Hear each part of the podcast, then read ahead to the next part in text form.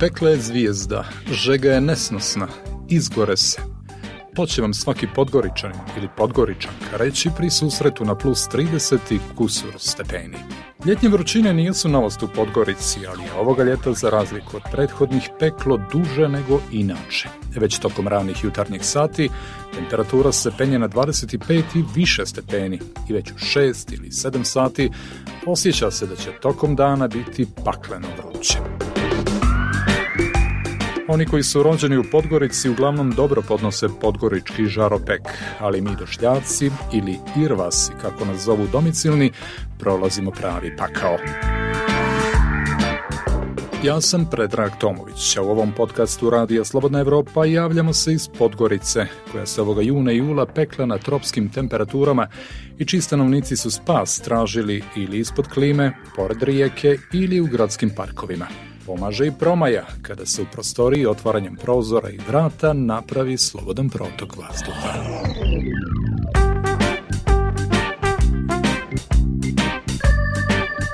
Na putu do parkinga u centru Podgorice na velikom bilbordu koji pokazuje vrijeme i trodnevnu prognozu vremena, sve je u znaku broja 30. Četvrtak 33, petak 32, subota 34 stepena. E propalo se, hoće li se nebo konačno smilovati pa nam donijeti kišu.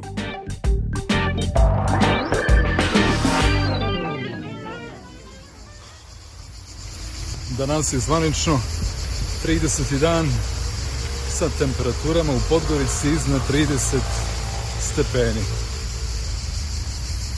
Zrikavci pjevaju svoju pjesmu, a mi pokušavamo svako na svoj način da se rashladi neko ispod klime, neko nekim hladnim napitkom, uglavnom muka je protiv podgoričke žege vazda bila, a ova godina nije donijela razliku, ama baš nikakvu u tom smislu. Krenuo sam do parkinga, čujete zrikavce, oni pjevaju svoju ljetnju serenadu. žega ih motiviše, očigledno. Ok, auto je u hladovini, mada to ne znači ništa. Kada čovjek uđe unutra, koncentracija toplote je tolika da osjećate da će vam onaj naslon od sjedišta spržiti leđa.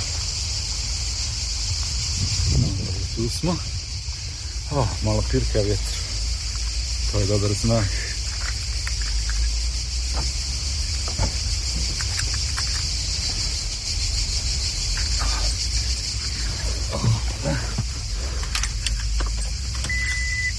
Oh. Ok, radi.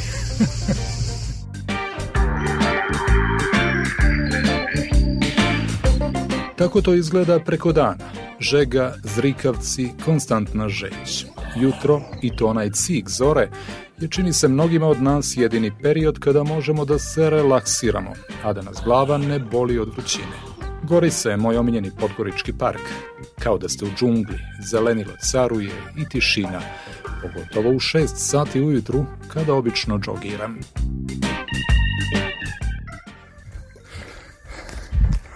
6 sati, 26 stepeni, podgoričko jutro, evo nas na Gorici, Gorica je centralni podgorički park, mjesto okupljanja hiljada građana, ne samo ljeti, nego i zimi, uglavnom rekreativaca.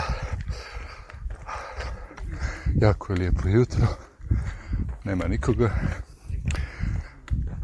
gotovo da nema nikoga srećem uglavnom starije sugrađane koji koriste ove jutarnje sate. Da malo prošetaju jer popodne i predveče temperatura pođe iznad 30 i onda je to više mučenje nego uživanje. Korak po korak.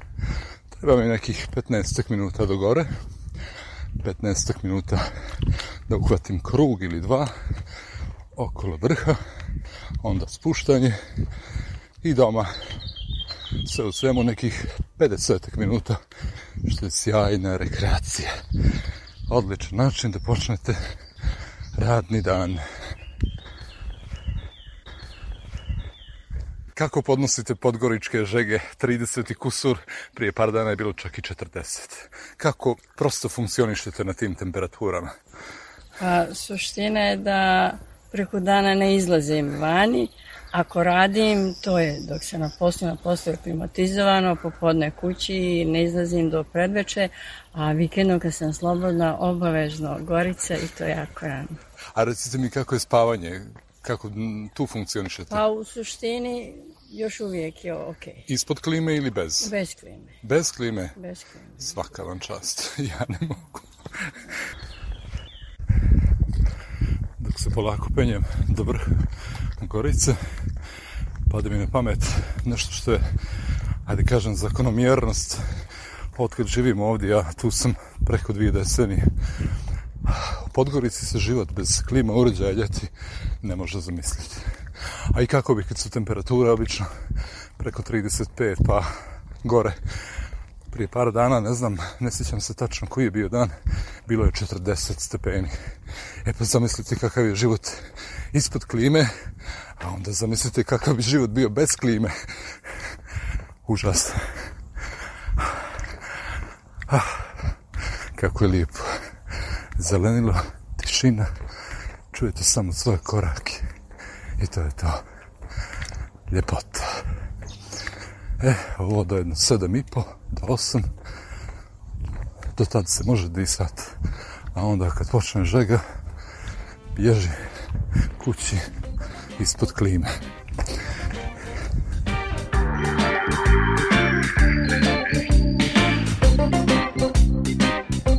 Na Gorici uvijek sretnem nekog poznatog. Ovoga puta srećem poznanika iz vremena kada sam služio vojni rok, sada već davne 1999. godine. Dobro jutro, dobro jutro. Kako ste? Je li standardna rekreacija? Ovo je ljepota. Ništa, ovako nisam svako jutro, ali svako drugo. Malo idem teretana, malo gorice i to je to. Super, još malo se. može istrčat. Yes. Mogu, mada znaš šta radim? Radim recimo, idem, hodam brže, pa onda kad je pedenca, onda to istrčim. Da malo opteretim. Do 200, ne. E, pa ne znam, ne znam koliko se znaš, penje. A recite mi kako podnosite ovu žegu, ljudi. Ja, mene je hladno, vidiš, ja se obučem dobro. Ko je rođeno ovdje, njemu nije to Da, njemu je to vjerovatno, ok, meni nije nikada... Mada oscilacije su temperatura, ono je bilo Ali niko ne pamti jun ove godine ovako da je bio jun sa 42 Da, da. 10 dana.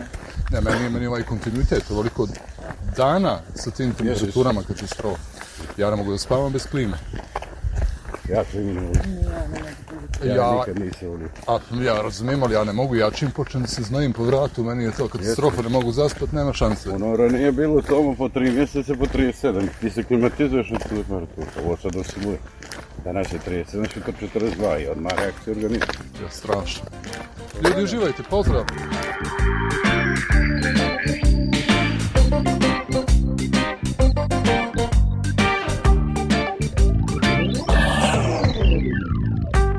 Osim u nebo od kojeg kada je ovako sparno ljeto očekujemo zahlađenje, najčešće gledamo i u meteorologe koji donose vijest o tome hoćemo li predahnuti ili ćemo nastaviti da se kuvamo na tihoj vatri.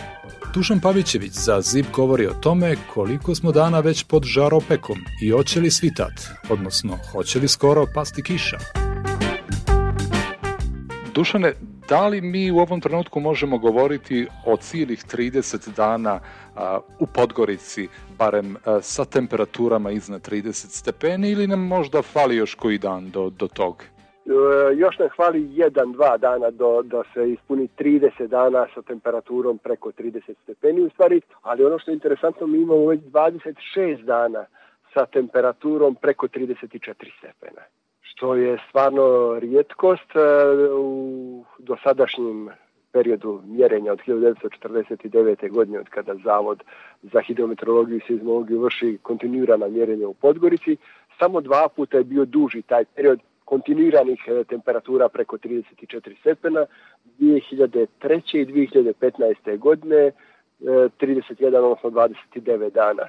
Kako meteorologija klasifikuje te temperature iznad 30 stepeni? Da li su to tropski uslovi ili kako već se e, da, tretiraju? Da, to, to se nazivaju tropske temperature. Znači to su tropski dani u kojima maksimalna dnevna temperatura pređe 30 stepeni, a noći u kojima temperatura ne padne ispod 20 stepeni se zovu tropskim noćima.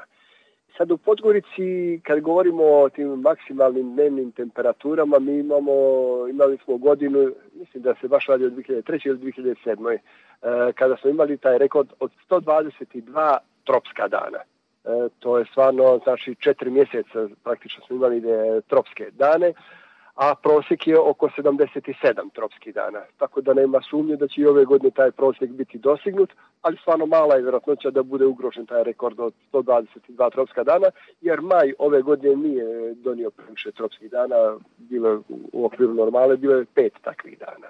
Sada kada mi budemo emitovali ovaj podcast, e, mi ćemo uveliko preći tu e, taj niz za 30 dana na temperaturama iznad 30 stepeni. Kada e, pričate sa kolegama, sa članovima familije, sa prijateljima, da li nas je ljeto iznenadilo u junu i julu sa ovako visokim temperaturama? A ima tu više različitih pristupa ljetu i temperaturama. Mi smo imali početak juna prijatan u okviru normale, ali je u Podgorici ogroman broj ljudi se žalio da im to ne liči na ljeto, da to nije pravo ljeto. E onda kad su počele temperature od 37-8 do 40 stepeni, onda je već počelo i kukanje, ovo se izdržati ne može. Dakle, nas ne, ne mogu reći da, da je iznenađenje jer od 2000. godine praktično sva ljeta su toplija nego što su bili prosjeci u prethodnih 40-50 godina. Ali da ovo ljeto je ponudilo i neke, neke novine u smislu dužine trajanja o, ekstremno visokih temperatura, to da. A kako se Dušan Pavićević, meteorolog, bori protiv uh, vrućina? Kako je to što se tiče vašeg ličnog iskustva? ja uopšte, može se reći, mnogi bi rekli ne vodim zdrav život, tako da uopšte se ne krijem od klime, niti bježim od upotrebe e, klime i u kolima i u kući i bilo gdje da krenem, tako da to je jedini način na koji se mogu izboriti. Ako se ukaže prilika zbog posla da se sklonim iz Podgorice, to uveliko radim i samo razmišljam gdje čovjek može pobjeći kad se primakne ili kad ode u penziju da povigne jer ovo mi stvarno ne odgovara. Koliko kao mlađi nisam imao problema sa tim visokim temperaturama, toliko kako godine idu, sve teže ih podnose. Da li za bijeg od vrućine birate more ili planinu? E, više biram more, planinu više volim da vidim, ali ja sam pomalo lijenj. Planina traži i šetnju gore, dole, uzbrdo, nizbrdo, a ja volim kretanje po ravnom i volim da onako, prilični sam konformista. I za kraj, Dušane, e, imamo li se čemu nadati uskoro nekom uh, zahlađenju, nekom padu temperature?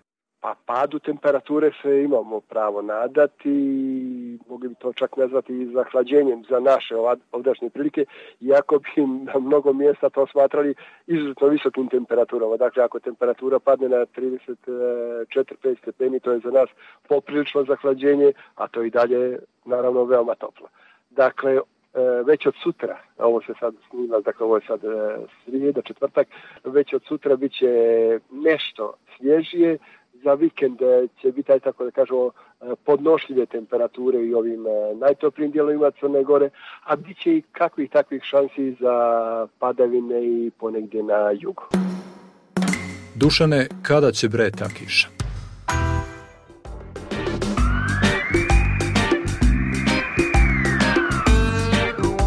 Ljiljana Rajičević je, kako kaže Titograđanka, i pamti ljeta iz perioda još dok je bila dijete. Ta ljeta, kaže Ljiljana, bila su znatno toplija nego danas, ali su ih tadašnji stanovnici glavnog grada Crne Gore lakše podnosili. Ljiljana, ti pamtiš to vrijeme prije klima, da kažem. Kako je to izgledalo, kako su se podgoričani tada, da kažem, rashlađivali kad je temperatura išla preko 30, bogami i 40 i kusur? Da, čitavo ljeto bi bilo preko 40 i kusur i to nije nama nešto bilo strašno zato što smo se mi rodili u takvoj klimi i mogu da ti kažem odmah da e, je današnja klima pa, mnogo prijatnija nego što je to bila tada kad sam se ja e, podizala. I ako sam živjela ispod Gorice, jedno vrijeme, e, rodila sam se zapravo u Karadžorđevu ulicu, pa jedno vrijeme živjela u Njegoševoj ulici do 11. godine i onda sam se preselila ispod Gorice. Tu je malo pirkao uvijek vjetar i e, govorili su ljudi da je tu nekoliko stepeni prijatnije, pogotovo uveče. Međutim, ja pamtim najbolje moje e, življenje i e, neko djevojaštvo iz Njegoševe ulice, gdje je mnogo uticao komšiluk na sveopšti život grada i gdje su se kazanima kuvale da ne bi svaka domaćica gorela šporet, jer naravno na 40 stepeni e, uključi šporet je dodatni teror.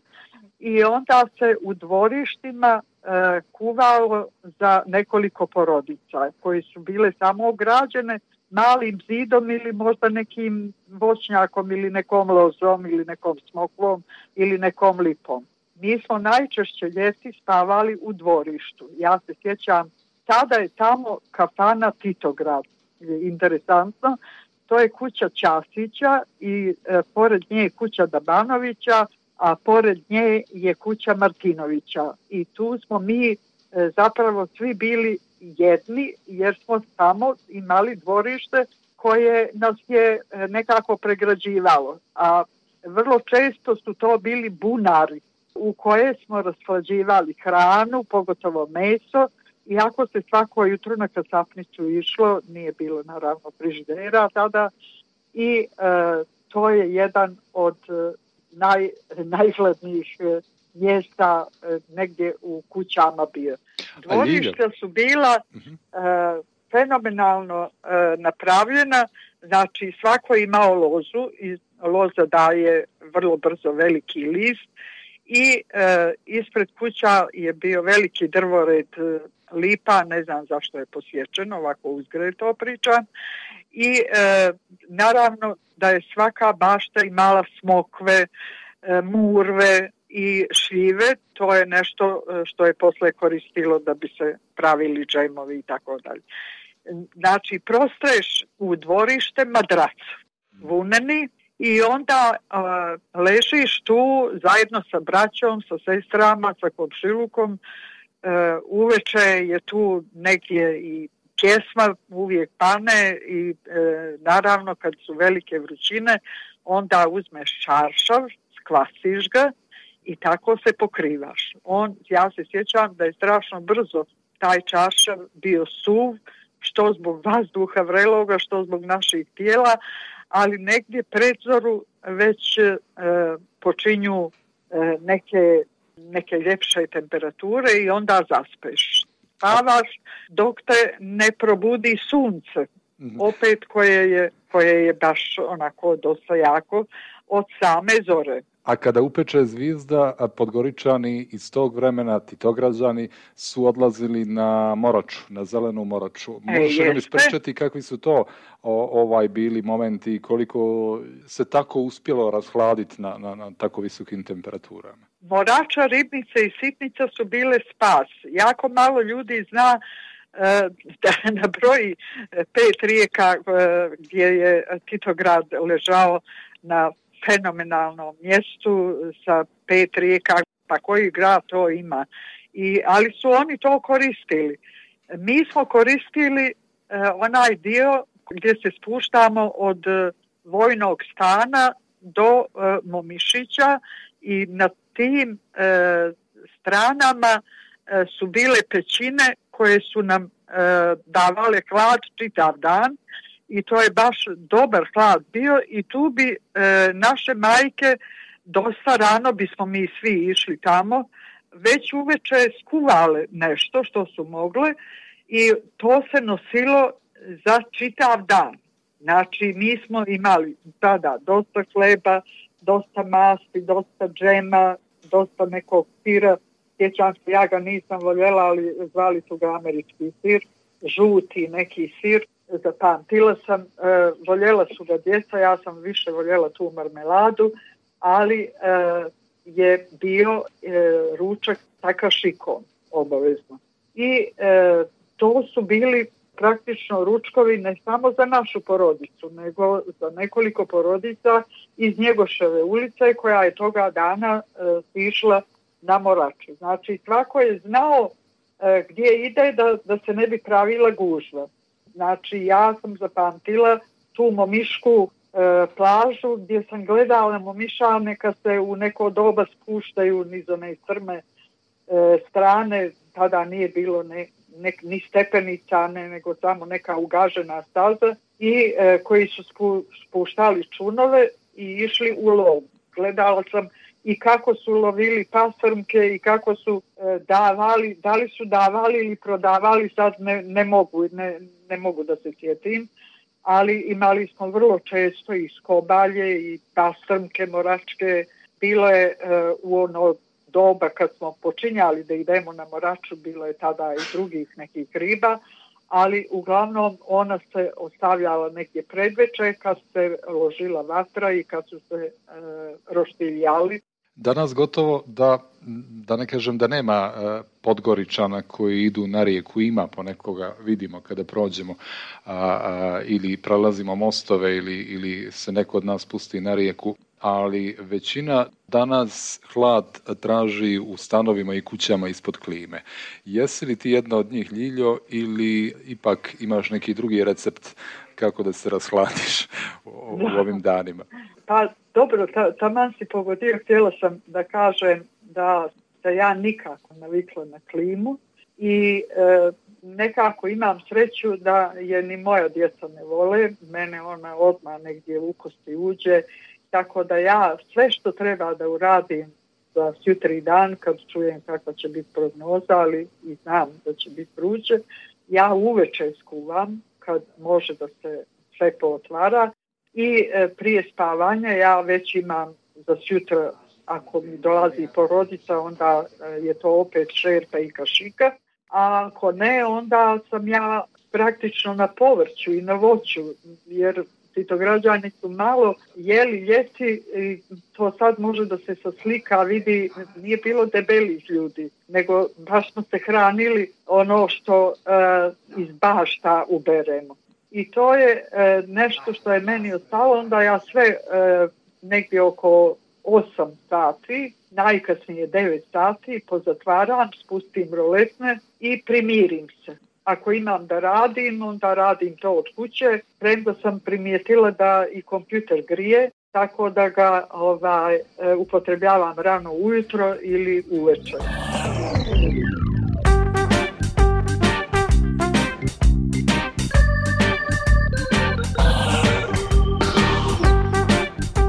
Rast temperature vazduha, duga tropska ljeta, poplave, prirodne katastrofe postali su realnost svijeta u kojem živimo.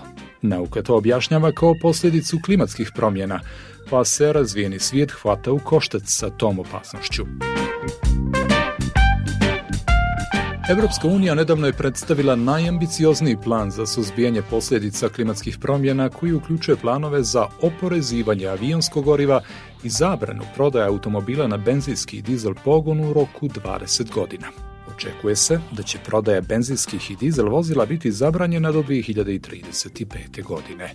Kako bi pomogli potencijalnim kupcima koji se plaše da pristupačni električni automobili imaju mali domet, Brisel je predložio državama da do 2025. na glavnim cestama postave javne punionice na razdaljini ne većoj od 60 km. Biće povećani troškovi emisije ugljenika koji se koristi za grijanje, transport i proizvodnju. Takođe, Evropska unija planira po prvi put da uvede porez na visokokarbonsko avionsko gorivo i gorivo za brodarstvo, koji do sada nisu bili oporezivani. Negativna strana ovih mjera koje najavljuje Evropska unija je to što će one vjerovatno povećati račune za grijanje domaćinstava kao i troškove letova u Evropskoj uniji. Izgleda da ekologija košta, ali bojim se da svijet nema alternativu.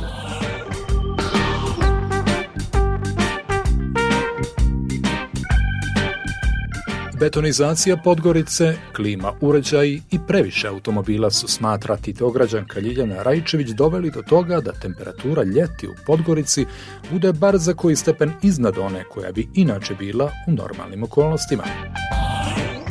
uvijek kad vidim novu zgradu koja je beton plus staklo, ja se sjetim naših e, niskih kuća i nekog generalno urbanističkog plana dok sam bila e, odbornica Liberalnog saveza u Skupštini grada kad smo ga usvojili gdje je tada bilo e, rečeno da grad treba da se širi prema Tuzima, prema Bjelopavlićima, da tu trebaju kuće da budu niske sa baštama, baš zbog klime koja je karakteristična za Titograd i Podgoricu današnju, ali e, čini mi se da to nikad nije ispoštovano, nego su zgrada na zgradu. Međutim, ima još jedna stvar koja je malo e, ipak promijenila klimu na bolje, a to je da smo mi odmah posle rata, e, ja se sjećam jer sam dijete bila, a i e, znam da, da su mi roditelji pričali i komšiluk, da su oni odmah išli na Goricu i sadili. I kao gimnazijalka ja sam posadila ne znam koliko borova i još nekog drveća. Isto tako mi smo e, kao gimnazijalci i srednjoškolci išli na Čemovsko polje i tamo smo sadili. Ja kad god idem u tom pravcu prema aerodromu vidim onako kako je to nekad bilo. Jedno golo polje bez drveta, a sad je to šuma. I to je nevjerovatno blago. Isto tako Ljubović, Gorica koja je zelena. Oni sprečavaju te veće temperature koje su tada bile. One sprečavaju i onaj silni vjetar, sjever gdje mi nismo nekad mogli preko mosta, a pogotovo ne, na primjer, moj svekar koji je e, dolazio iz Gornje Gorice u gimnaziju, rekao on mi je sto puta je pričao o tome da bi znao da dođe blizu mosta i da se vrati kući jer od severa e, nije mogao da pređe. Sad više toga nema. Znači, promijenila se klima, međutim, što sad dodatno stvara visoku temperaturu? Užasno mnogo klima koje su nagradile i lijepe zgrade koje imamo i koje nevjerovatno izduvavaju jedan vrući vazduh i mislim ono kad vi vidite negdje e, izviše nekih apoteka da je sad 50 i nešto stepeni, vjerujte da je barem 5 stepeni ili više od tih klima koje su e, ukrasile po znacima navoda izvoda e, naše zgrade gdje se nije e, vodilo računa o tome da se napravi jedan centralni dio kao što postoji u Americi, u Engleskoj, gdje je naravno u, u nekim zgradama i sad već i zabranjeno i da se to vidi, da, da uopšte postoje one tije koje nagrde zgradu, ne samo da je estetski nagrde, nego je i što se tiče ekologije i e,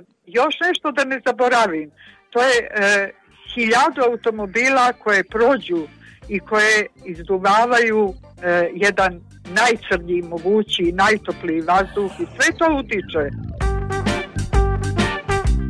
Eh, Ljiljo draga, kada bi se mi mogli odreći betona, klime i automobila, gdje bi nam kraj bio? Nije ta zelena svijest još dolazila do Crnogoraca, bar ne umjeri da se napravi kritična masa pa da počnemo mnogo više da cijenimo zeleno blago koje imamo.